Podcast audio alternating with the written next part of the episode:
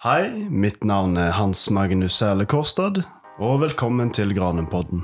Einar Granum kunstfagskole studentrene-podkast, der vi prater om kunst, kreativitet og kultur. I dag skal vi intervjue filosof Eva Løveid Mølster.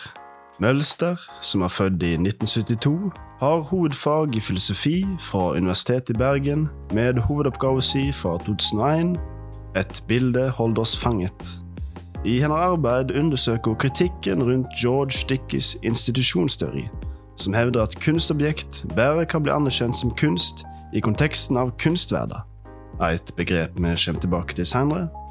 Jeg tror dette temaet er spesielt relevant i dag. Definisjonen av kunst osv., særlig med framveksten av såkalla AI-art. Bilder generert av kunstig intelligens som kan etterlikne menneskeskapte kunstverk. Er det kunst eller ikke? Som Elstad sjøl har skrevet i ho- hovedoppgaven sin, og jeg siterer Behovet for å definere kunstverk kan være større enn vi tror. I en stadig skiftende kunstarena trengs det et fundament for kunstdebatten, som kan utelukke skinnuenigheter og misforståelser. Eva har også studert estetikk og idé- og lærdomshistorie ved Uppsala universitet, i tillegg til en årsegning i kunsthistorie fra Universitetet i Bergen. Og siden 2017 har hun vært rektor her på Einar Granum kunstfagskole. Her er Eva Løveid Mølster. Hei sann, Eva. Hei. Tusen takk for at du har lyst til å bli med på uh, Granum-podden. Eh, jeg har planlagt at vi skulle gjøre et uh, djupdykk inn i kunstfilosofi. Mm. Men før vi gjør det, så har jeg gjerne lyst til å vite litt mer om deg. Ja. Uh, far din, Knut Røe, er jo, er jo journalist, og mor di, Birte Marie Løveid, er en anerkjent billedhugger. Så hva motiverte deg til å velge filosofi som en sånn karrierevei? Det er et veldig godt spørsmål, og jeg uh, var nok litt tilfeldigheter, men jeg var veldig heldig fordi det var ingen som stilte noe krav til hva jeg skulle bli da jeg Mhm. var ung og, og skulle velge. Men det var tydelige og sterke krav om at jeg alltid måtte gjøre mitt beste, og at jeg måtte jobbe hardt. Mm. Men det gjorde at jeg hadde en slags frihet til å velge. Eh, Og jeg har jo vokst opp på atelieret til mamma og alltid vært en uendelig skravlemaskin og stilt masse spørsmål. uh, og det som faktisk jeg hadde lyst til å gjøre da jeg var ferdig på videregående, var å bli astronom. Jeg var Oh. veldig interessert i fysikk og matematikk og astronomi. Jeg abonnerte på noen sånne amerikanske tidsskrifter om astronomi. Og tenkte at det å studere stjernene, som man jo nesten ikke kan se, det hadde jeg lyst til. Mm. Og så dro jeg til Bergen og tok X-Fill, og så ble jeg utsatt for vitenskapsfilosofi, som var en del av X-Fill-pakka, og ble helt forelsket i vitenskapsfilosofien. For da hadde jeg jo lest, eller lest fysikk og kjemi og matematikk, alle disse såkalte sannhetene. Og plutselig så var det vist seg at det var mange som hadde sittet og jobbet med å kritisere disse teoriene. Mm. Og se hvordan vi mennesker lager sånne sannheter over tid. Og tenkte jeg, oi, dette var spennende! Ja. Så det var egentlig sånn jeg havna i filosofien. Mm.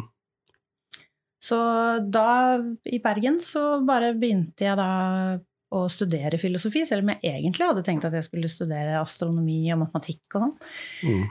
Uh, og så tok det ene det andre, og så viste det seg at det er et ganske stort estetisk miljø, altså kunstfilosofisk miljø i Bergen. Ja. Eh, og det var jo tilfeldig, det var jo ikke derfor jeg dro dit. Og så tenkte jeg hm, kunst, ja, det vet jeg jo hva er.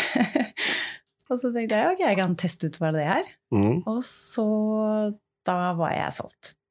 Da var jeg, hadde jeg funnet mitt sted. ja. Mm. For da hadde du allerede mor di som kunstner, Mm. som sikkert du sa var litt spennende Mm. at du valgte det. Og uh, du sa også at du hadde planlagt å gå inn i mer som vitenskap, da. Mm. Men mitt inntrykk av uh, alt som vitenskap og matematikk, alt bygger jo til sjuende og sist på filosofi. Ja. Altså, du kan ikke drive med forskning uten at du har et visst fotfeste i f.eks. epistemologi. Hva vet jeg? Hvordan vet jeg at dette Mm. er sant og ikke? Jeg er veldig enig med deg, for det var, det var faktisk det som Og det har jeg jo skjønt etterpå, det var jo det som tiltrakk meg med astronomien. Mm. En ting er selvfølgelig sånn fagartikler som jeg ikke skjønte så veldig mye om, og at jeg drev og regna litt i matematikk hvor lang, hvor lang tid tar det å dra til månen hvis du har det og det romskipet, som jeg syntes var veldig gøy. Men det som drev meg, var jo nettopp det der Men hva er egentlig Er det uendelig der ute? Mm. Hva er dette for noe? Hvorfor, og, og ikke minst Hvorfor er vi så interessert i det? Altså liksom Undringen over undringen var også interessant. Dette vet sikkert du, men hvem var, hvem var det som sa undring er starten på filosofi? Jeg vet ikke. Men du har sikkert hørt det òg? Veldig godt sagt. Det er kjempegodt sagt. Og, og, du sa det jo nå, det med at vitenskapen eh, har bunner i filosofien, og nettopp, eh, og nettopp det All vitenskap starter jo med spørsmål, og filosofi Mm. er jo nettopp spørsmål. Og så er det til, nesten til og med spørsmål om spørsmål. Ja. Hva er det vi egentlig lurer på? Mm. Tar det aldri slutt. Nei.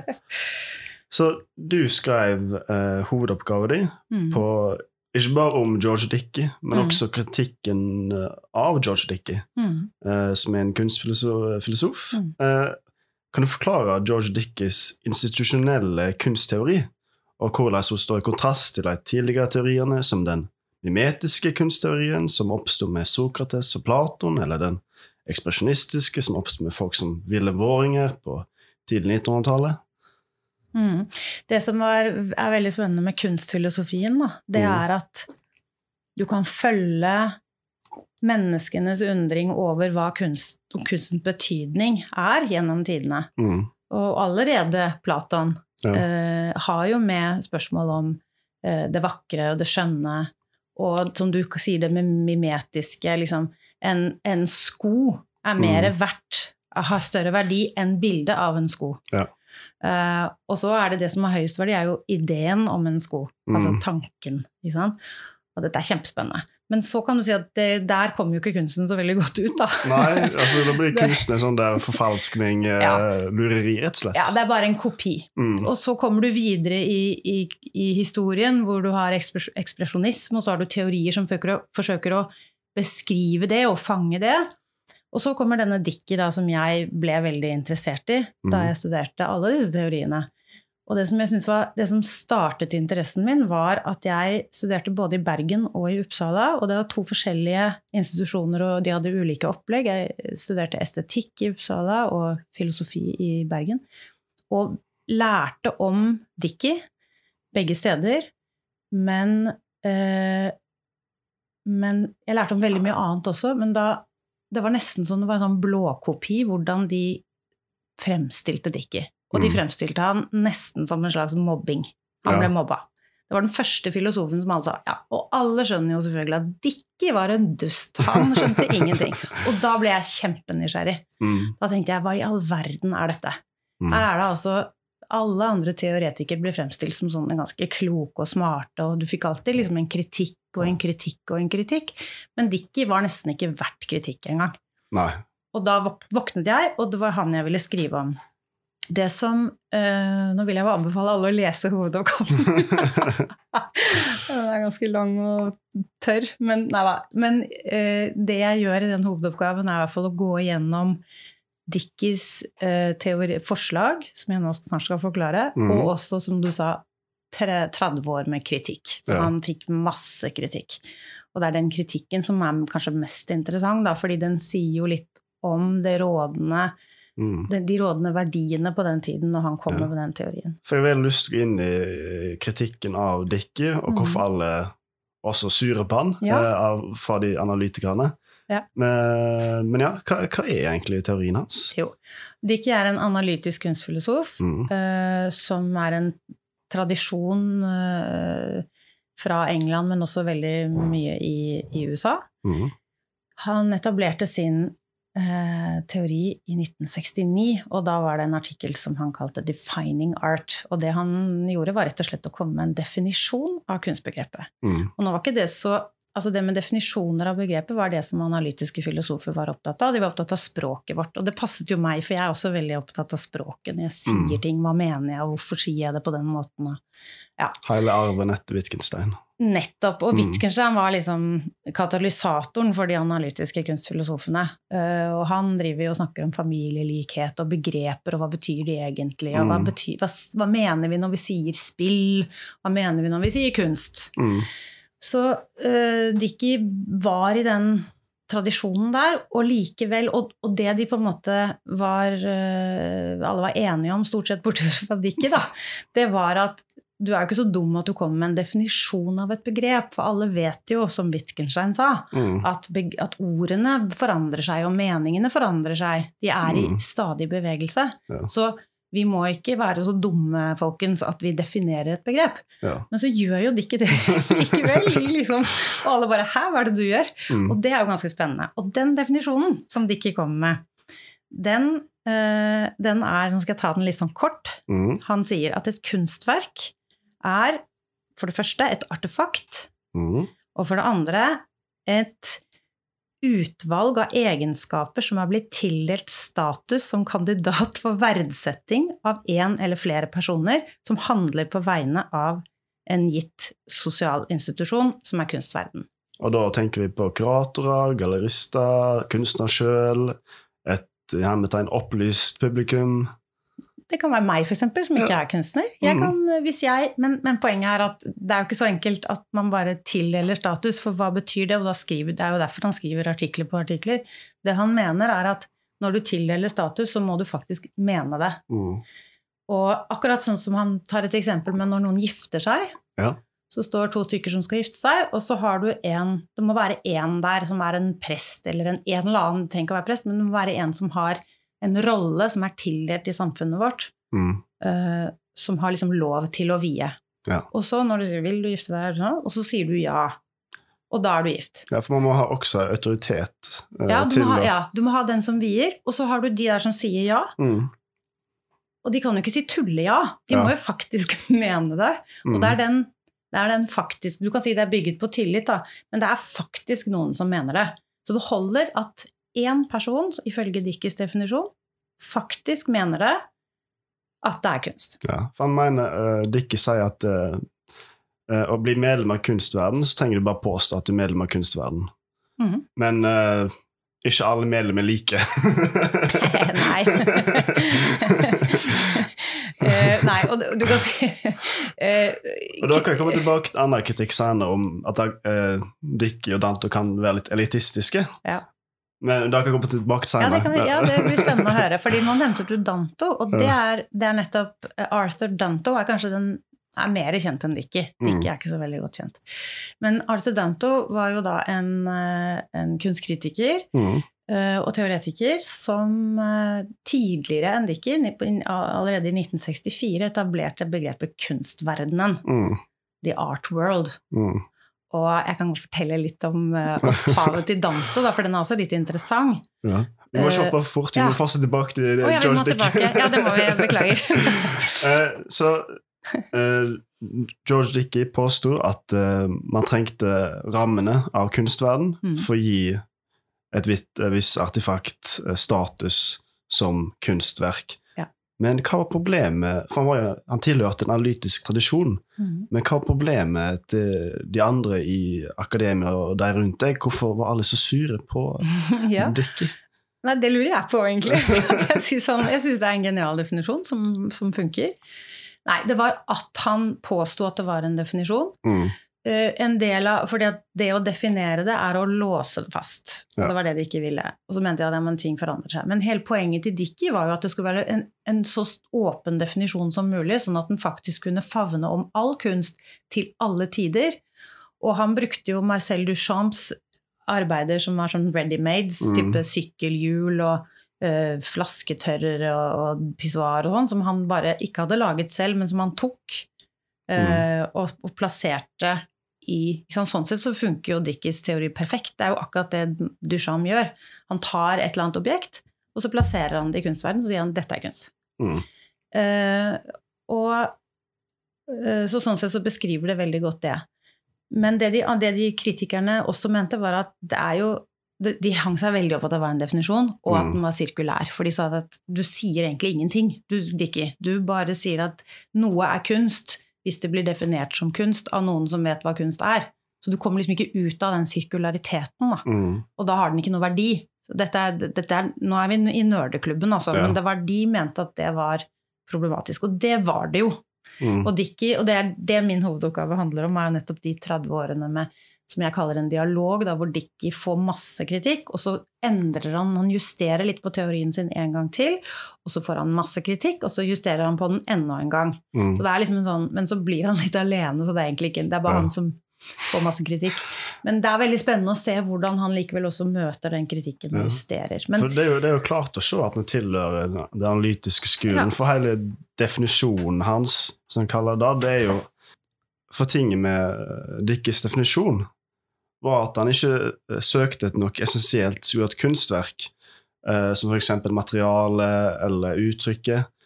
Det var heller da at eh, den konteksten, det som Wittgenstein påpeker til ord og definisjoner Mm.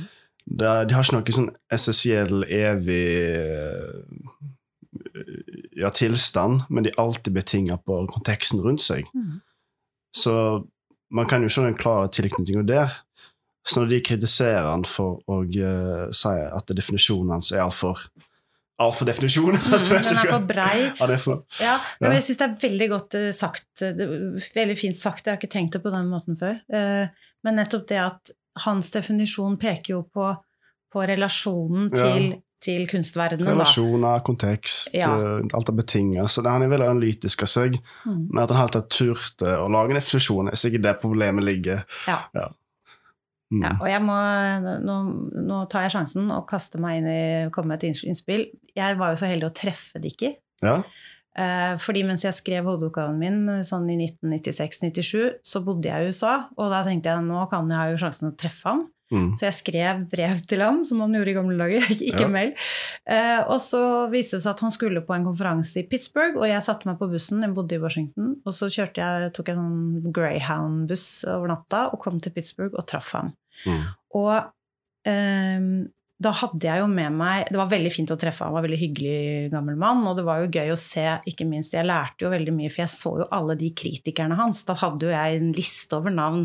Jeg visste jo de som jeg trodde hatet ham, da. Mm. Men det visste jeg at de var jo kompiser, og vi spiste lunsj sammen. Og de var jo liksom, det var jo veldig lærerikt for meg å se at selv om du kan være mm, krasse motstandere i, i, felt, i fagfeltet, så kan de like fullt være gode venner Mm. uh, etterpå, og det var veldig fint. Men det var, jeg hadde jo med meg et sånt spørsmål som jeg Jeg hadde så høye forventninger. Jeg spurte liksom Hvorfor valgte du en definisjon? Hvorfor, hvorfor måtte du definere det? Kunne du ikke bare beskrive alt? For jeg syns jo det er mye interessant i det han skriver. Men hvorfor måtte han akkurat, akkurat ha den definisjonen? For det var det som var det røde flagget. Kalt det en forklaringsmodell. Prøvde å Ja, ikke sant? Han kunne mildnet det, sånn som alle de andre. mm. Og da hadde jeg gledet meg til det svaret. Og så sa han Why not? han sånn, Nei, det var bare det jeg For han fortalte han hadde hatt lærere som var sånne som hadde flyktet fra andre verdenskrig, som kom fra Tyskland, og de var gjerne litt sånn strukturerte og kom gjerne med definisjoner. Så han sa nei, jeg bare gjorde det.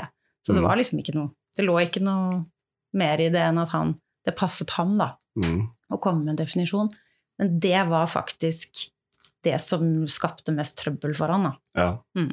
Mm. Men vi nevnte i stad en som heter Danto. Mhm. eh, vi kan komme tilbake til han nå. Ja. Du skrev nemlig etterordet i 2006 til forlaget Pax Arte sin omsette samling av Dantos essays, 'Avslutninger til kunsten'. Og Arte og Danto hadde jo en stor innvirkning på estetisk filosofi, spesielt på den sistnevnte George Dickey. Kan du fortelle litt om forholdet ditt til Arte Danto sin filosofi, hvem han var, og kanskje det som var katalysatoren for tenkningen hans, brilleboksen? Ja, brilleboksen. Mm. Uh, ja, Danto var jo uh, kom jo, var den som etablerte begrepet kunstverden, som Dickie jo bruker i definisjonen sin. Mm. Uh, og det var da en basert på en artikkel som Danto skrev i 1964. Og da var det egentlig ikke planen hans å skrive den artikkelen. Han skulle egentlig han var kunstanmelder og Mhm. jobbet for en avis i, New York. Og skulle, på, skulle dekke da en åpning av den eh, da allerede ganske berømte kunstneren Andy Warhol, Mm. Uh, som stilte ut, hadde en ny utstilling i Stable Gallery. Og dette vet jeg ikke bare ikke fordi jeg var der, for jeg var ikke født, men jeg vet det fordi dette har jo Danto beskrevet. For det var faktisk veldig skjellsettende for ham. Mm. Han kom til den utstillingen og skulle bare anmelde den. Og så opplever han at publikum er dritforbanna. Mm. De er faktisk ganske sure, og de er forvirra. Eh, Og dette er jo fine kunstfolk som vet hva de skal De vet jo hvordan de oppfører seg, men de ble usikre og sinte. Og blant annet så var det en som hadde skrevet med store bokstaver 'shit' i en sånn eh, gjestebok. Mm. Og det syntes han var kjempespennende. og det som, det som Det var nettopp disse Brillo-eskene, eller Brillo-boxes. Og det Warhol hadde gjort da, var jo å lage kopier av vanlige sånne pappesker som står i, i butikken. Mhm. Mm, Brillo, Brillo tror jeg er noen sånne vaskekluter eller noe sånt. Det er noe Mm. sånt som alle har. Som man ikke tenker sånn svint eller hva vi har, ikke sant. Ja. Man tenker ikke på det. Eh, noe oppvaskgreier. Mm. Eh, og det hadde han laget og fått eh, Han hadde jo ikke tatt Han gjorde ikke sånn som Marcel Duchamp, som i og for seg gjorde det lenge før det igjen. Han Mm. tok jo faktisk bare objekter og satte det ut. Men det Warhol gjorde, var å lage kopier. Mm. Så det var liksom kryssfiner, og så var det silketrykk utenpå, helt sånn perfekt nydelig.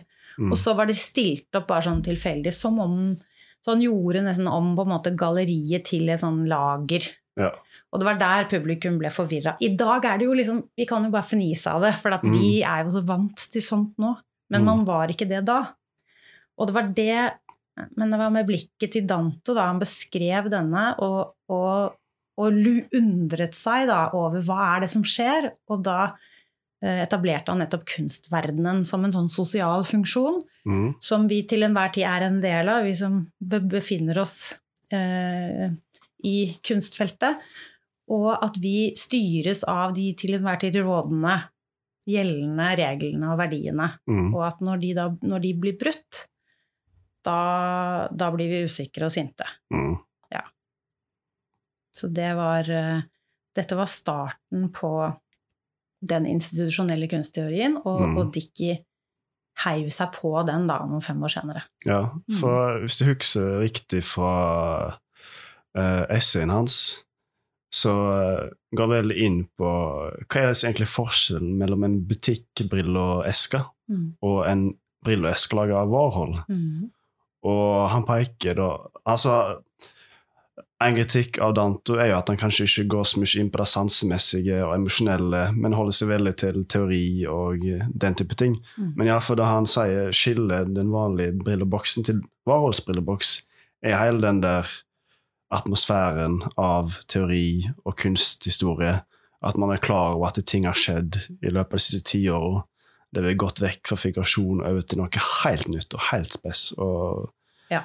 og, eh, og da med at en brilleboks blir om til et kunstverk, da snakker en også mer om i eh, Transfiguration of the Commonplace, eller hva er tittelen? Eh, Det er akkurat den. det er, ja, eh, at man kan se på kunsthistorie som et forløp der helt alminnelige ting blir gjort om til Uh, kunstverk. Mm. I dag at uh, meninga og betydningen som står bak kunstverket, blir tolka i en viss kontekst. Mm.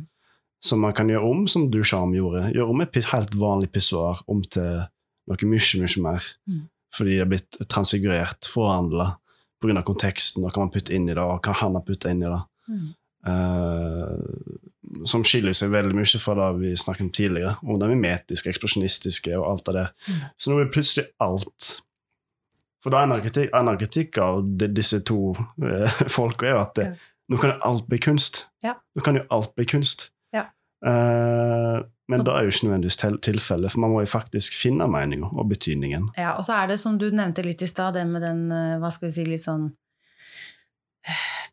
Det som, det som eh, Danto og Dickie begge to forutsetter, men Danto i sin art, art world, og som du sier, denne atmosfæren, da, Mm. det forutsetter at du må kunne en del kunstteori, du må kunne kunsthistorie, Mm. for å liksom få noe ut av det. Mm. Og det vil jeg si, det stemmer. Ja. ja, Mm. så kom ikke her. men, eh, men jeg er fullstendig klar over at, eh, og jeg er jo enig i at det er mye kunst mm, altså hvis, vi snakker, hvis vi nå holder oss til billedkunsten, da, Mm. så er det jo mye vakker kunst som du bare kan gå og oppleve. Mm. Eh, men det forutsetter at du kan en del grunnleggende ting. Mm. Og dessverre her, her i Norge så lærer barn veldig lite om det. Vi lærer, vi har ikke en sånn grunnleggende kunnskap i Norge. Mm. Vi har ikke det fordi vi lærer det ikke på skolen. Eh, I Frankrike, i, i Finland, i veldig mange andre land i, i verden så lærer barn De har fargelære, de lærer å male, de lærer å tegne, de lærer å se, Mm. og de lærer kunsthistorie. Ja.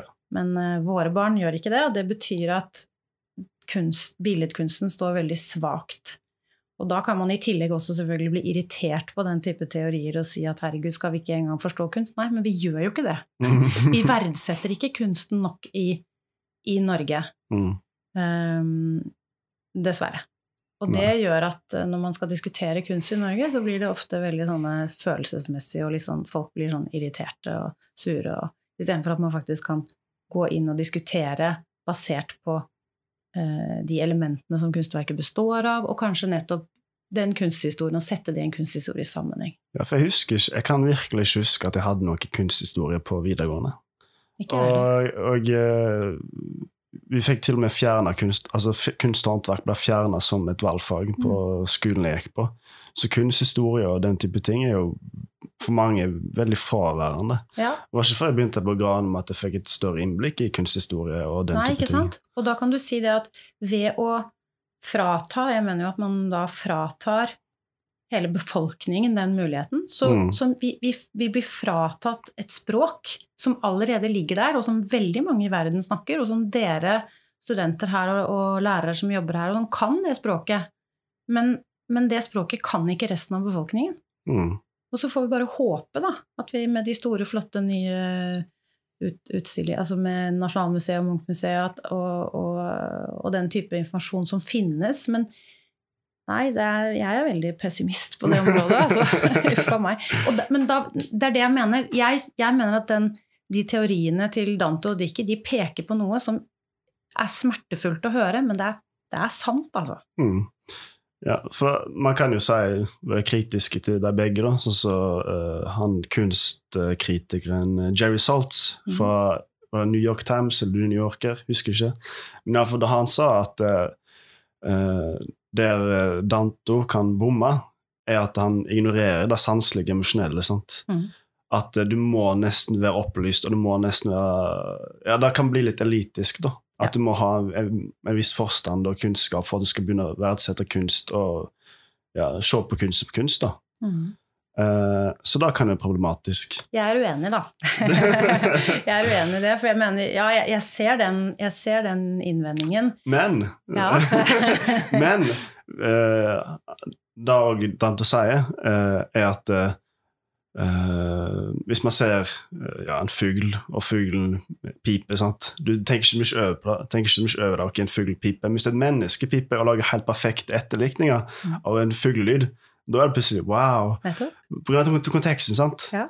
Det, det er ikke nødvendigvis fuglelyden i seg sjøl, men hele kunnskapen om at det er ikke en faktisk fugl som lager den pipelyden. Og det samme gjelder jo mat og drikke. Hvis du ja, har fått tak i en, eh, en god side da, og Mm. drikker på sidaen. og så får du vite at jo, de som lager siderne, arbeider sånn i flere generasjoner med å eh, på en sånn liten gård på Vestlandet, og, det, det, det, og plutselig får du en ny verdsettelse Mm. av eh, sideren eller produktet.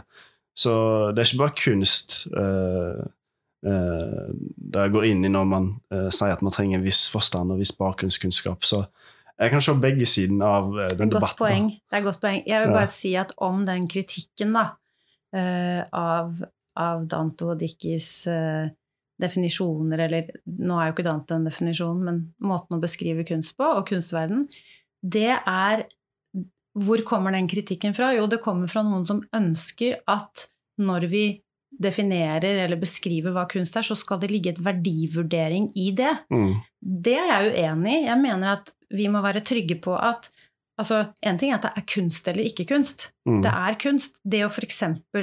si at fotografi er ikke kunst, som man faktisk sa på den tiden jeg skrev hovedoppgaven, det er Ja. rart å tenke på, men sånn var det. Da var det fotografi er ikke kunst. mm, Og det kan vi jo liksom bare himle med øynene i dag. Men ved en definisjon som Dickies, så er det jo ikke tvil. Fotografi er kunst, Mm. så bruker vi ikke mer tid på det. Men selvfølgelig å bruke tid på om det er god kunst eller ikke, men det trenger man ikke å gjøre i Da har man allerede sagt at nå er det kunst. Med andre Mm. ord, da tar vi det på alvor. Mm. Og da vet du at du får som øra flagrer. ja, det vet jo du. Altså, du kan jo kaste ut hva du vil, Mm. men om funker det eller funker det ikke, Mm. det er liksom en annen sak. Men det er et eller annet med å ikke stenge ute eh, kunstverk. Mm. Bare fordi noen andre skal bestemme hva det er. Fordi det er ikke bra nok, eller Altså, ja, altså jeg, eh, med den kritikken jeg eh, nevnte, det er ikke nødvendigvis mine meninger, da. Jeg prøver bare ja, du er veldig god. Du har Men uh, For det som er så fint med Dickes definisjon av Dantos, er jo da at det plutselig blir det man dømmer kunst ut ifra. Ok, det er kunst, ferdig snakka. Mm. Det vi dømmer kunst ut ifra, er mye mer pluralistisk. Mm. Altså, du, du, du sier ikke at et abstrakt maleri av f.eks. Uh, Pollock er dårlig, for det minnes, minnes det ikke om en hest eller en, Nei, noe ekte. Du har helt, helt andre uh, standarder. sta standarder Ja. å dømme ut ifra. Mm. Uh, så plutselig blir uh, spillefeltet litt mer likt, da. Altså Mm. Uh, Man får rom til mer kunst. Det er kanskje det beste med den definisjonen. Man får rom til mer kunst. Ja. Enig. Uh, men ja, det, nå er det lenge siden Dante og Dickie skrev om alt dette. her. Ja. Eh, hvordan har George Dickies institusjonelle kunstteori påvirka samtidskunstens diskurs og praksis, siden du skrev om han på begynnelsen av 2000-tallet? Hvor er vi i dag? Ja, det, det er et godt spørsmål. Mm. uh, som veldig mange av dine spørsmål er, må jeg bare si. Uh, nei, altså hvordan Dickies uh, teori eh, har påvirket samtidskunsten, den har nok dessverre ikke påvirket samtidskunsten mye. Og det er jo på grunn av, som jeg sa, da jeg ble interessert i han, så var han allerede et mobbeoffer. ja.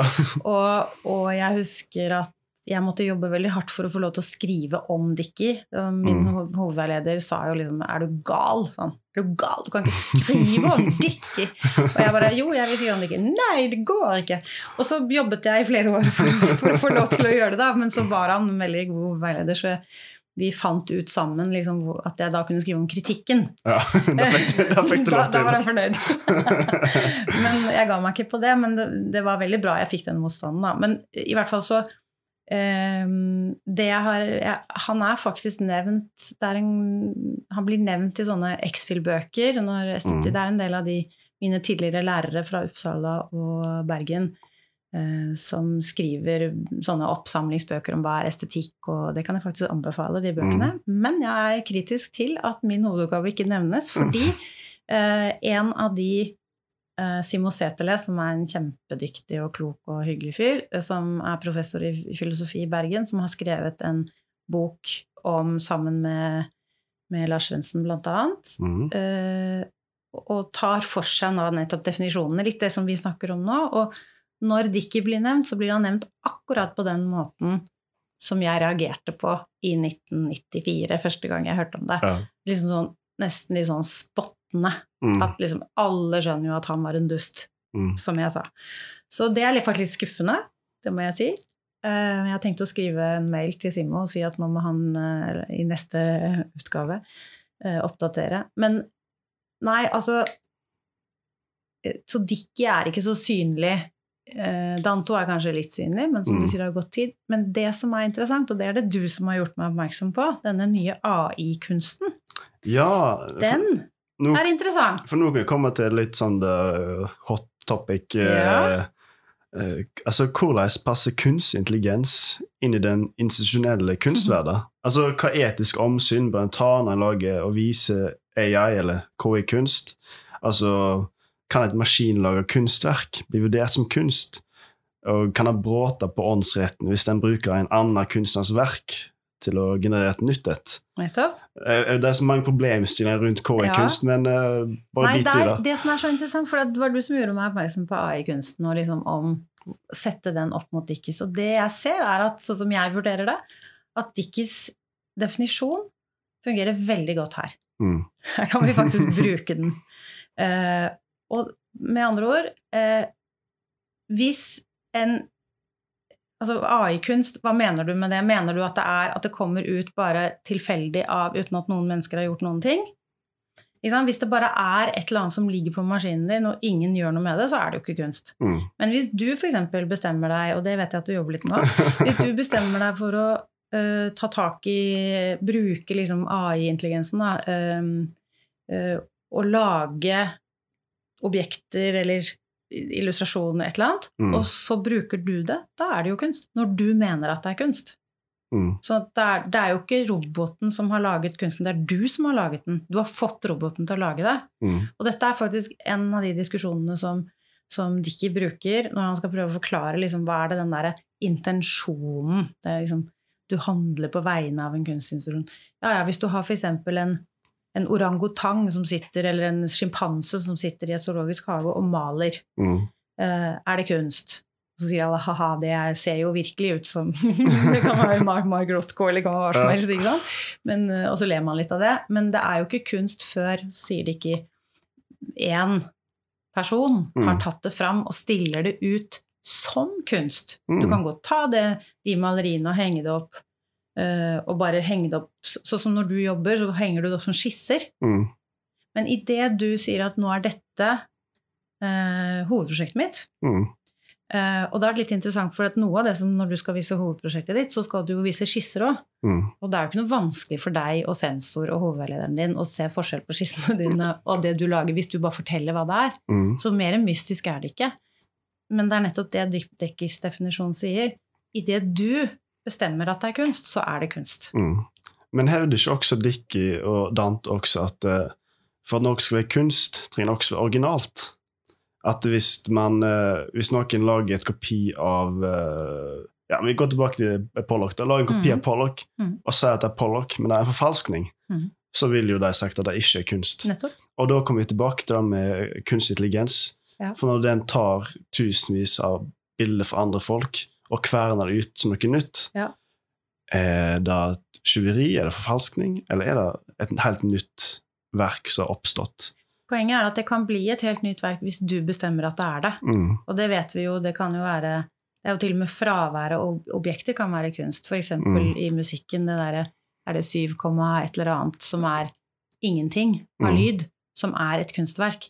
Så, så igjen, maskinen kan ikke lage kunst, Ja. men du kan bruke maskinen til å lage kunst. ja, for maskinen mangler jo intensjoner og mening, og Ja. kanskje putte betydning inn i verket. Du trenger en tredjeperson for å Ja, og du Mm. ikke sant? Poenget er bare at du trenger det du forteller meg. mm, Altså, jeg kan gå, altså, jeg kan gå forbi en stein ute i Akerselva her, mm, Eh, og så kan noen le av meg. Visste du ikke at det var kunst? Du sa Mhm. nei, for det er ingen som har fortalt det til meg. Men hvis noen forteller det til meg, og du har visst det kanskje i tre uker, mm, og for det var du som bestemte at det var kunst, så, kan, så viser det seg at jeg hadde gått forbi det, og jeg visste ikke det. Men idet du forteller meg det, så blir jeg klar over det. mm, Og sånn er det jo liksom den derre som spyr ut, og du kan si ja, la oss si at du bruker uh, et kunstverk, og så kopier, får du en sånn AI-intelligens til å kopiere det, men det er likevel din intensjon, og du, Mm. du, har jo, du har jo spørsmål i det prosjektet ditt. mm, Det er jo det som gjør det til kunst. mm. Men så spør du er det, er det liksom etisk forkastelig og sånn. Ja, det kan godt hende at det er. mm. Da, men da får du trøbbel med andre, ikke sant? Ja, for eh, da tenker man jo på åndsrett, sant? Ja. Vi visste Jeg vet ikke om jeg var komfortabel hvis noen hadde kverna ut eh, tatt ja, 30 av mine verk og kverna ut uh, et nytt Mm. med hjelp av kunstig intelligens. Mm. Da hadde jeg begynt å uh, Jeg var litt sånn mm, hva, er, hva holder du på med? Dette er jo mitt. Hva Ja. gjør du? Ja. Ja. Nei, og, men ikke sant Kun, Og det er jo dette som er trøbbelet med, med kunstdefinisjoner og liksom Mm. det, hva er kunst og hva er ikke kunst. Det er jo det at vi legger jo, vi legger jo mye verdi i kunst. Mm, Og vi har til og med i språket vårt når jeg sier 'dette er kunst', mm, så er det det jeg egentlig sier, er at 'dette var veldig, veldig bra'. mm? Men jeg sier 'dette var kunst'. Så ordet kunst brukes også som en sånn verdivurdering. mm, Og, og så, så jeg kan jo bli provosert hvis du kommer og forteller meg at den, øh, pennen som ligger ved siden av meg i kunst. For, ah, kjære venner, det er bare en penn. Ja. Bruker, det er min penn til og med. Du kan ikke bare komme her og kalle det kunst, for den er ikke noe fin heller. Uh, og da, men, men det er det som er så spennende med feltet. Mm. Uh, men det betyr jo ikke dermed sagt at, at den pennen som du nå har definert som kunst, er opphøyet. Mm. Men det er jo det vi gjerne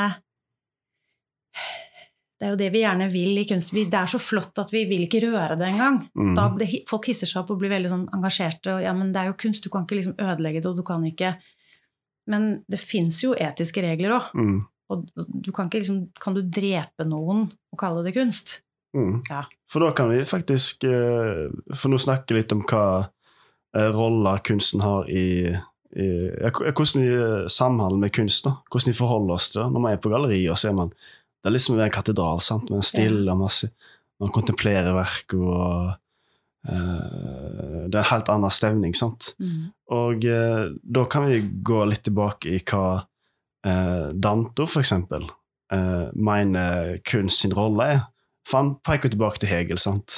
Og Hegel ser jo på kunst som en sånn mellomledd mellom virkelig verden, natur, og det han kaller for ånd. Mm. Og det er en måte for oss å forstå og skjønne oss sjøl, da. Det blir et speil. Vil du fortelle litt om det? Altså Hva rolle kunsten har? For nå har vi snakket veldig mye om definisjoner av kunst, og den, og det, hva er kunst og ikke kunst, men hva er rollen til kunst? Kunstens rolle? Åh, det var et veldig, veldig vanskelig spørsmål å svare på.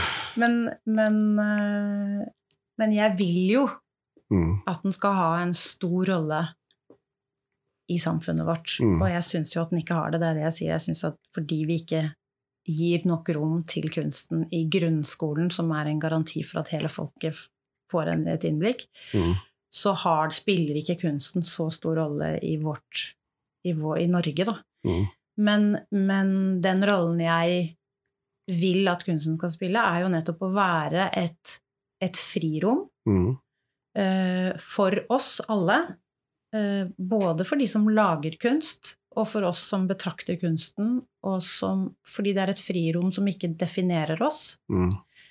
Vi kan velge å gå inn i det og la oss definere. Vi kan undre oss. Mm. Eh, Vi kan eh, se sånn som Hvis du, sånn som det du jobber med, med av liksom fingre og hender, og du, Mm. du, du tar noen sånne vrir og vender på det. Så etter at du viste meg noen bilder av sånne hender, så begynte jeg plutselig, da ble jeg plutselig opptatt av hendene mine. Og det er en sånn der, ja, Hvorfor er jeg opptatt av hendene? Det er veldig interessant å se hvordan hendene er laget. Og det er en type undring som er kjempeviktig. Ja. Så, så den, både det at det har med vår egen forståelse av oss selv, og, og, men også som er politisk. Altså hvem er vi som samfunn? Hvem er vi som individer? Hva vil Mm. vi med verden? Det er kunstens felt. Mm.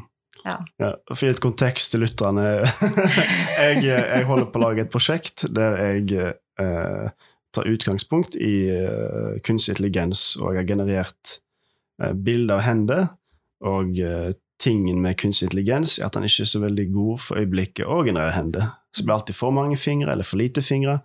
Og så har jeg prøvd å ta det som utgang, utgangspunkt, og så har jeg malt de fingrene som eh, den kunstige intelligensen har, har skapt, da, med alle sine feil og alt det der. Så det var da konteksten. Ja, det vi snakket om. Um, men siden vi prater om definisjoner og slikt, uh, hva tanker har du om den kontroversen som oppstår rundt avdelingsdirektøren ved Nasjonalmuseet, som kaller Christian Krogs oljemaleri 'Leif Eriksson oppdager Amerika' for kolonialistisk? Ja, det er jo en fersk sak Mm. på Nasjonalmuseet, og det var masse diskusjon og debatt rundt omkring i forskjellige medier. Eh, og nå har den jo lagt seg litt. Mm. Eh, men det som jeg syns er interessant med den type hendelser, da, er jo at man kan se det på mange måter. Man kan se det på, uh, på begrepets makt. Og det er jo, her kommer vi jo tilbake til den filosofien og det jeg er interessert i med filosofien, nemlig ordene. Eh, Ja, for du refererer jo masse til Wittgenstein i Ja. arbeidet ditt. Ja. Uh, Vi kan sikkert gå inn på han og, og hva påvirkning han har på deg. Ja. Nei, for det, det, det henger sammen. Mm. Nettopp det der med at uh, da har du en, en som er leder på, kunst, på Nasjonalmuseet, som, som i et forsvar da, Mottatt Mm. for noen som er irriterte for at det var et bilde som de mente alltid. Og det er også veldig artig når folk bruker sånne sterke ord, for da Mm. skjønner du at her ligger det følelser, og det elsker jeg. Og da alltid hadde det bildet hengt på veggen. Det hadde de ikke gjort, da, men det, de følte det veldig. Mm. Og hvorfor henger det ikke oppe? Og dette er liksom cancelling. og så var vi i gang. Og så kommer uh, hun tilbake og sier ja, men vi Dette er et kolonialistisk maleri. Og det ut fra det jeg har lest meg opp etterpå, er jo at det er det jo faktisk. men det var nok ikke intendert, det var ikke ment det fra Christian Krohgs side, men det er, det er fullt mulig å eh, bruke det begrepet inn i det. Men det som Det var i hvert fall veldig interessant. Hun, hun, måtte jo, hun beklaget det jo. Mm. Eh, Så hun svarte litt raskt og var litt irritert. Det har jeg forståelse for. Så det ble veldig mye eh, Men, men det var i hvert fall veldig interessant å se hvordan det ble veldig høye liksom bølger her. Da. Bølgetoppene ble veldig, veldig høye, og de krasja mot hverandre. Og det som jeg syns var interessant å se fra side Jeg var glad jeg ikke satt og var ledelse i Nasjonalmuseet akkurat, for det tror jeg var ganske tøft. Men å kunne se det fra sidelinjen og se hvordan folk hadde veldig sterke meninger om hva som var kunst og ikke kunst. Mm. De sa det jo ikke 'jeg mener at kunst er ditt og datt', men du kan nesten lese det ut ifra meningene deres. Og det var jo flott å se det engasjementet. Mm. At folk mente at 'hvorfor henger ikke det som alltid, alltid, alltid har hengt der'? Mm. Uh, og så kom det jo fram etter hvert at ja, men vi, det er veldig mange ting som ligger uh, i arkivene våre, og vi tar det fram og tilbake. Og så nå har de hengt det litt fram for at vi skal se det, da. Mm. Men det var en annen ting som også var interessant, og det var jo selvfølgelig som, som jeg syntes var interessant, og det var å se hvordan de ledelsen taklet den kritikken, for de sto jo i en kritikk, og jeg, jeg syns de taklet den veldig godt, fordi de gikk fram ut og var tydelige og forsøkte å liksom vise respekt for de som ikke viste så mye respekt for dem, da. Mm. Og det er jo en, en, en dyd å klare det. Ja, ja. ja. Men det er i hvert fall veldig interessant. Det var, det var godt å se. Det var til og med sånne venner jeg har på Facebook som ikke, overhodet ikke er interessert i kunst, som plutselig viste at de var veldig interessert i kunsten. Så da tenkte jeg at dette er jo positivt. Mm. Så bra! at du var veldig interessert. Ja, for det er jo noe du har hengt deg litt opp i. At Mm. eh, selv om i kommunen Oslo bruker masse penger på galleri og museum og sånt, så er kanskje ikke engasjementet like sterkt i folket. Nei. På grunn av som du sier, mangel av kunstutdannelse på skoler og sånt. Ja, jeg, jeg, tror, jeg tror potensialet er stort. Altså, det er jo Mm. ikke det at folk bevisst ikke er interessert, men de vet ikke hva Man altså, vet ikke hvordan de skal møte kunsten. Mm. Og så øh, må jeg jo legge til at kunstfeltet ikke alltid er like eh, imøtekommende. Nå har det blitt veldig mye bedre de siste 15-20 årene, men, men sånn som det var på 90-tallet, hvor du nesten ble spyttet på hvis du stilte et spørsmål, Mm. og hvis du ikke skjønte, hvis du sa 'jeg skjønner ikke hva dette er', så bare «Ah, 'du skal ikke skjønne det, du skal bare, du skal bare oppleve'. og liksom, du var sånn spottende sånn 'ah, du skjønner ingenting'. Nå har det bedret seg, Veldig da. obskurantisk. eh, Ja. ja. Ja. Så, så, så kunstfeltet må jo da forholde seg til en gjeng med, med analfabeter, og det kan jo være litt frustrerende, selvfølgelig. Mm. Dette er ikke ment å være ovenfra og ned, det er jo faktisk sånn det er. Mm. Altså, jeg har jo vokst opp med kunsten, og for meg er det liksom en, en, en Jeg er trygg i den.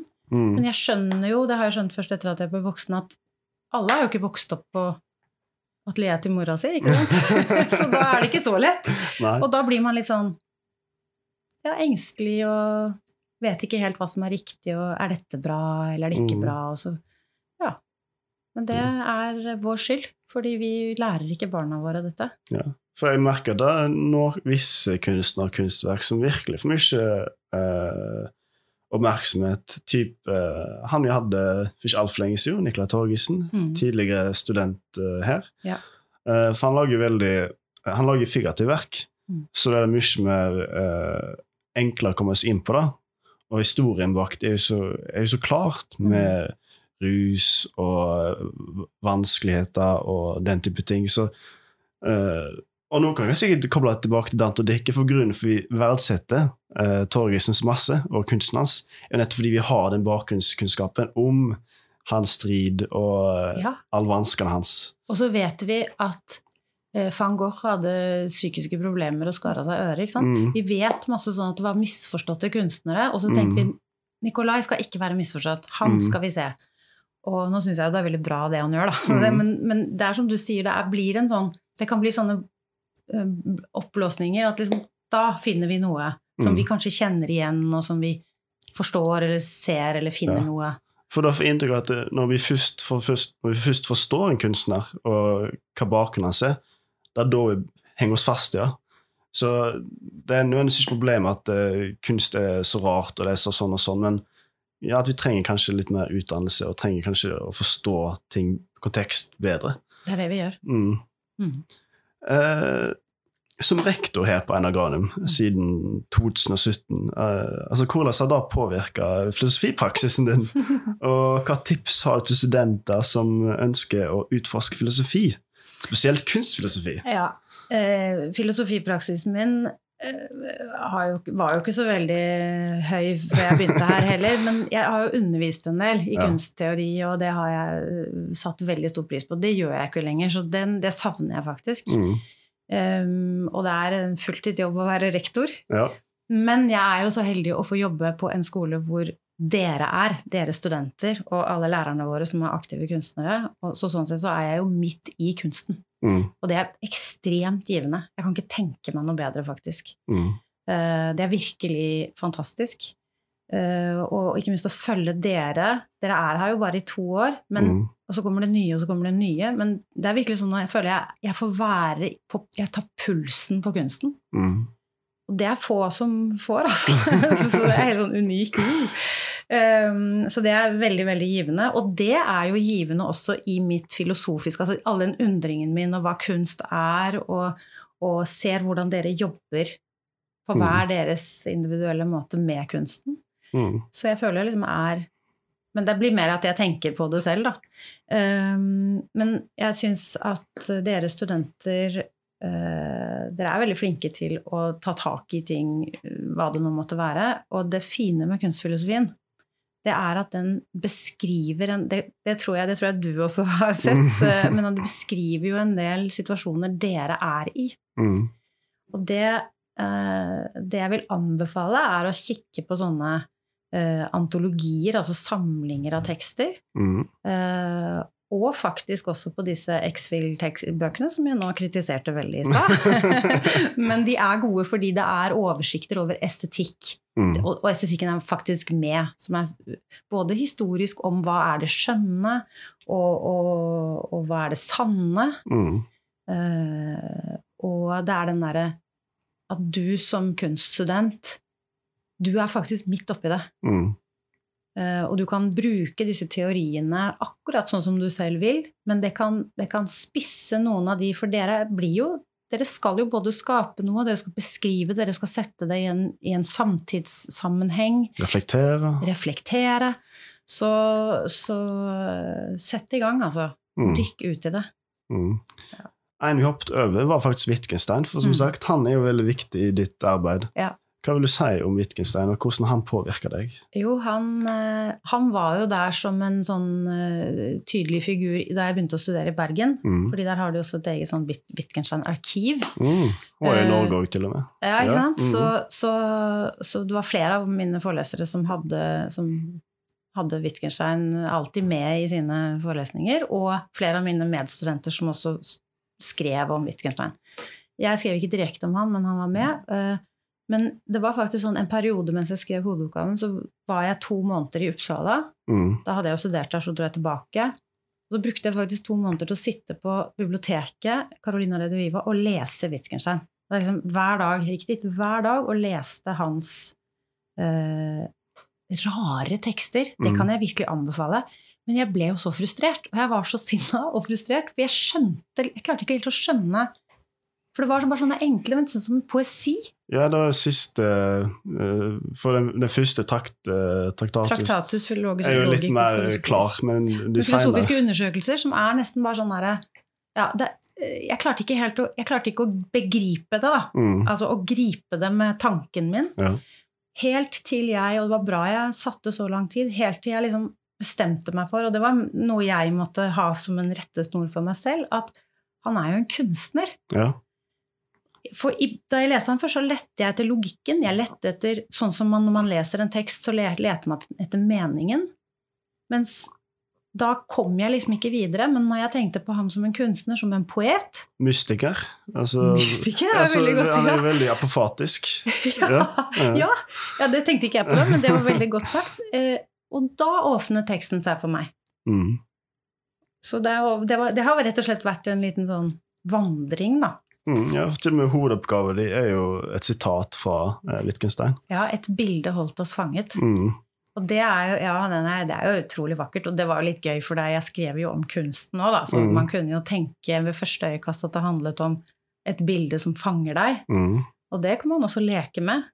Mm. Men så handler det jo også om det Wittgenstein mener med det. Et bilde holdt oss fanget, det er jo begrepet. Når vi i vår verden bruker kunstbegrepet, vi sier 'dette er kunst' eller 'kunst', et eller annet, så er jo det en definisjon ligger bak der. Mm. Det ligger alltid en definisjon bak der. Du kan gå i bokmålsordboka, du kan gå i Store norske leksikon, så leter du hva er det det egentlig betyr. Mm. Og så vil jo det, som Wittgenstein sier, endre seg selvfølgelig fra, Mm. fra årtiden til årtier. Ja. Så etter du, etter du har beskjeftet deg med all denne kunstfilosofien, og vi har snakket veldig mye om hva Dicke mener, og Dante mener, og andre filosofer, hva mener du, Eva? Hvor står du? Og jeg mener bare at uh, kunsten er, som jeg sa, et fritt, fritt område som jeg gjerne vil definere. At uh, Mm. vi kan si at dette er kunst, men det skal være så åpent som mulig. Og så har jeg bare lyst til å bade i det. Mm. For meg selv. Eh, Før vi klokker av, så kan jeg sikkert også spørre For du har jo vært eh, rektor ganske lenge her nå, og du har Mm. fått et eh, nært innblikk i Kunst-Norge. Du har sagt noen sånne negative ting om, om hvor vi er i Norge som kunstnerisk med utdanning og sånt. Mm. Men hvor vil du si vi er i dag i Norge, kunstverden i Norge? hvordan vi holder oss til, og hvor ser du framtida til Kunst-Norge og kunstverden her? Oi, det var et kjempestort spørsmål.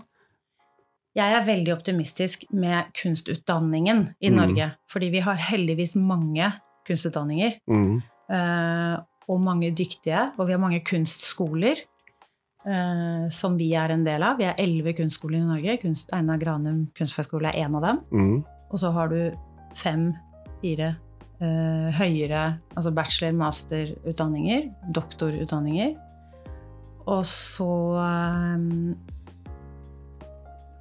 skjer det veldig mye spennende på forskningsfeltet. Mm. Det må jeg bare si. Det, det Bare ta en titt inn på hva sånne eh, hva doktorgradsstipendiatene driver med rundt omkring. Og de skriver Mm. også refleksjonstekster, som er kjempespennende. Så er vi jo selvfølgelig bundet av det internasjonale. Vi skal alltid samarbeide med det internasjonale. Jeg håper at vi blir tøffere i trynet Mm. og er mer sikre på den norske kunsten.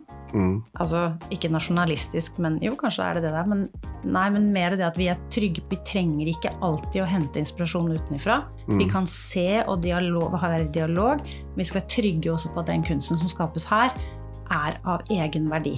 Mm. Det er det jeg liksom håper for kunstfeltet. Ja, for nå går jo unge kunstnere på pilegrimsferd til New York og Berlin og Paris, men kanskje Oslo kan bli eh, Ja, det hadde vært veldig stas, men da må vi bli litt mer selvsikre. Og det Mm. har vi all grunn til å være.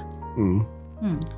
Tusen hjertelig takk, Eva, for du ble med på den podkasten. Jeg håper lytterne koser seg, og at det ikke var for komplekst og for vanskelig. Men tusen hjertelig takk, Eva. Takk skal du ha.